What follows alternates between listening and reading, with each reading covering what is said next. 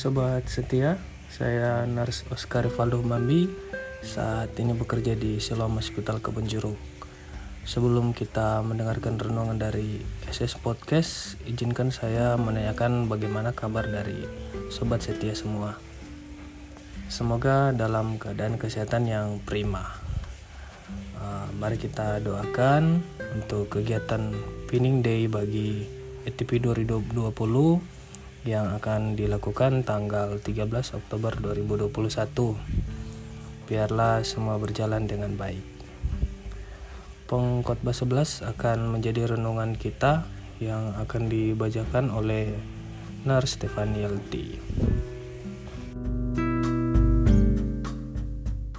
Shalom, saya akan bacakan nats kita pada hari ini dalam Pengkhotbah pasal 11. Pedoman pedoman hikmat. Lemparkanlah rotimu ke air, maka engkau akan mendapatkan kembali lama setelah itu. Berikanlah bahagian kepada tujuh, bahkan kepada delapan orang, karena engkau tidak tahu malapetaka apa yang akan terjadi di atas bumi. Bila awan-awan sarat mengandung hujan, maka hujan itu dicurahkannya ke atas bumi, dan bila pohon tumbang ke selatan atau ke utara, di tempat pohon itu jatuh, di situ ia tinggal terletak. Siapa senantiasa memperhatikan angin tidak akan menabur, dan siapa senantiasa melihat awan tidak akan menuai sebagaimana engkau tidak mengetahui jalan angin dan tulang-tulang dalam rahim seorang perempuan yang mengandung, demikian juga engkau tidak mengetahui pekerjaan Allah yang melakukan segala sesuatu. Taburkanlah benihmu pagi-pagi hari, dan janganlah memberi istirahat kepada tanganmu pada petang hari, karena engkau tidak mengetahui apakah ini atau itu yang akan berhasil, atau kedua-duanya sama baik. Terang itu menyenangkan, dan melihat matahari itu baik bagi mata. Oleh sebab itu, jikalau orang panjang umurnya, biarlah ia bersuka cita di dalamnya. Tetapi hendaklah ia ingat akan hari-hari yang gelap, karena banyak jumlahnya. Segala sesuatu yang datang adalah kesia-siaan. Nasihat bagi pemuda-pemudi, bersukarialah hai pemuda dalam kemudaanmu, biarlah hatimu bersuka pada masa mudamu, dan turutilah keinginan hatimu dan pandangan matamu. Tetapi ketahuilah bahwa karena segala hal ini Allah akan membawa engkau ke pengadilan. Buanglah kesedihan dari hatimu dan jauhkanlah penderitaan dari tubuhmu, karena kemudahan dan fajar hidup adalah kesia-siaan. Terima kasih untuk support bagi SS Podcast dan saya berdoa oh, untuk untuk planning saya ke depannya bersama Nurse Oscar Rivaldo Mambi. Semoga Tuhan selalu memberkati apa menjadi impian dan mimpi kita dan untuk uh, kita semua semoga diberikan kesehatan selalu dan jangan lupa selalu bersuka cita.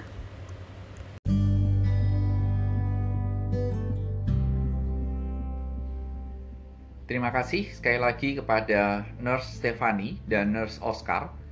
Tuhan memberkati pekerjaanmu dan memimpin relasimu berdua sampai ke jenjang pernikahan. Tema kita hari ini adalah sukacita versi pengkhotbah. Dan mari kita berdoa. Tuhan Yesus, kami rindu ketika kami merenungkan firman Tuhan, hidup kami boleh mengalami perubahan hari demi hari. Demi Kristus, amin. Sobat setia, sering kali kita mendengar sebuah sapaan, ada sukacita? Siapa yang pernah mendengar sapaan seperti itu? Dan sering kali dijawab ada, atau haleluya, atau puji Tuhan, atau yang lain-lain. Tanpa bermaksud untuk menyerang, tetapi saya ingin mengajukan sebuah pertanyaan, dan ini harus bisa dijawab. Apa yang membuat kita, ketika ditanya ada sukacita, kita menjawab, Haleluya, ada sukacita. Apa yang menjadi jawaban kita? Apa sebabnya? Kalau kita boleh mengorek lebih dalam dalam hidup ini, sebenarnya apa sih yang sering kali membuat hidup kita sukacita? Jawaban spontan dan pikiran kita spontan, biasanya itulah sebuah jawaban yang jujur, jawaban yang asli. Dan yang sering kali membuat kita sukacita, membuat kita senyum, adalah fokusnya cuma satu. Ketika kita memiliki harta banyak dalam dunia. Betulkah itu? Hari ini mari kita melihat dan bandingkan konsep sukacita dalam hidup kita dengan apa yang diajarkan oleh pengkhotbah bagi kita tentang sukacita. Ayat pertama, dikatakan bahwa lemparkanlah rotimu ke air, maka engkau akan mendapatkannya lama setelah itu. Apabila kita mencoba memahami kalimat ini secara harafiah, maka kita akan memikirkan dan melihat ada yang aneh. Karena apa? Roti bila dilempar ke dalam air, atau lebih ekstrimnya dilempar ke sungai, maka roti itu akan hancur dan terbawa arus dan tidak akan pernah kembali lagi. Namun bisakah kita melihat konsep yang muncul dalam bagian ini dan kita menerapkan dalam kehidupan kita? maka bukankah sering kali kita merasa bahwa apa yang kita kerjakan atau kita lakukan sering kali rasanya sia-sia. Inilah yang mungkin kita bisa lihat dari ayat ini. Misalnya, secara praktisnya, bagi yang sudah bekerja, udah bekerja mati-matian, tapi tetap aja kerjaan kita dicela. Inilah yang membuat suatu sukacita dalam kehidupan kita lenyap, senyum kita lenyap, semangat kita hancur, karena kita merasa tidak ada untungnya, tidak ada faedahnya. Namun ayat ini mengajarkan kepada kita, lempar roti ke air, artinya sederhana. Dan kita bisa lihat bahwa hidup harus bisa menjadi berkat, membawa berkat bagi orang lain dalam hidup ini.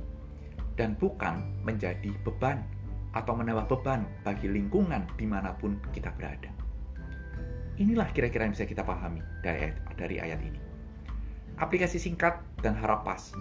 Kalau engkau sedang pacaran, jadilah berkat buat pacarmu dan bukan menjadi beban berat bagi kekasih.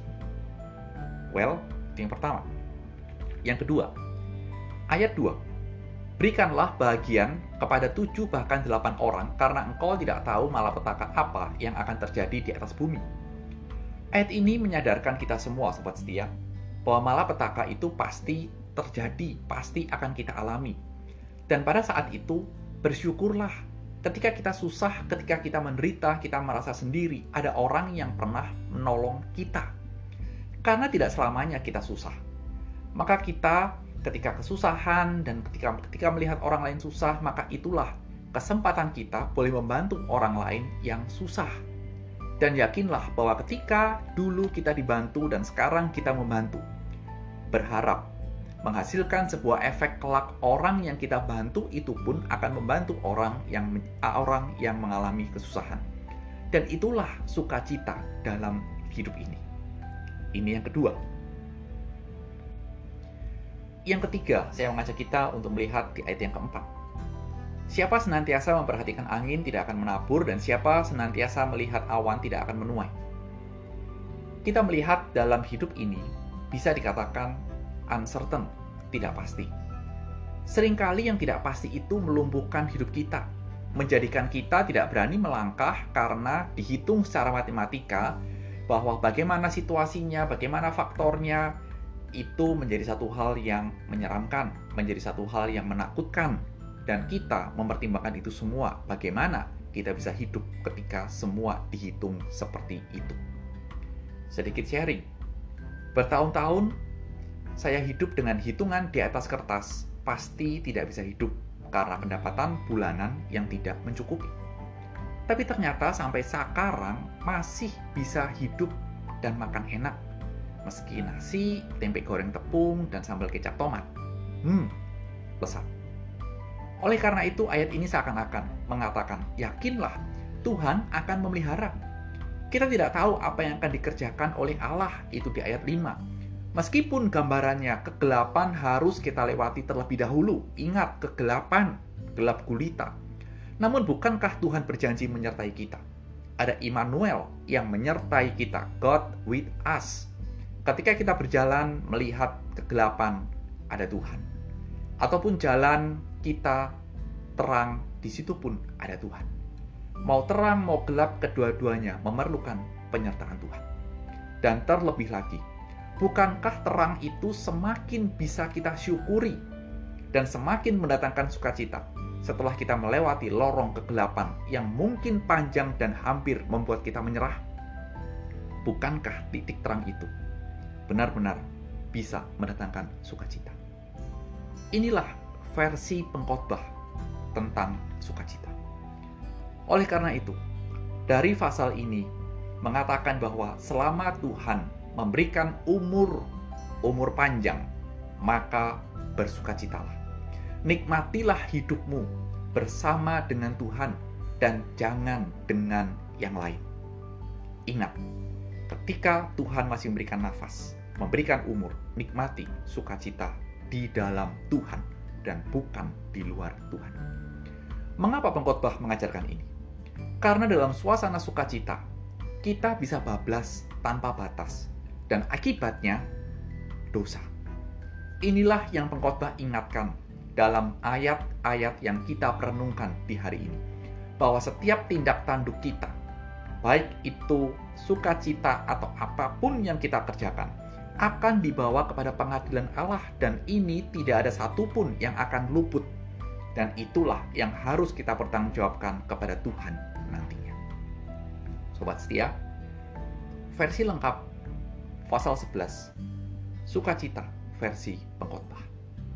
Kiranya hal ini boleh mengubah konsep sukacita dalam hidup kita dan selamat menikmati sukacita dalam Tuhan.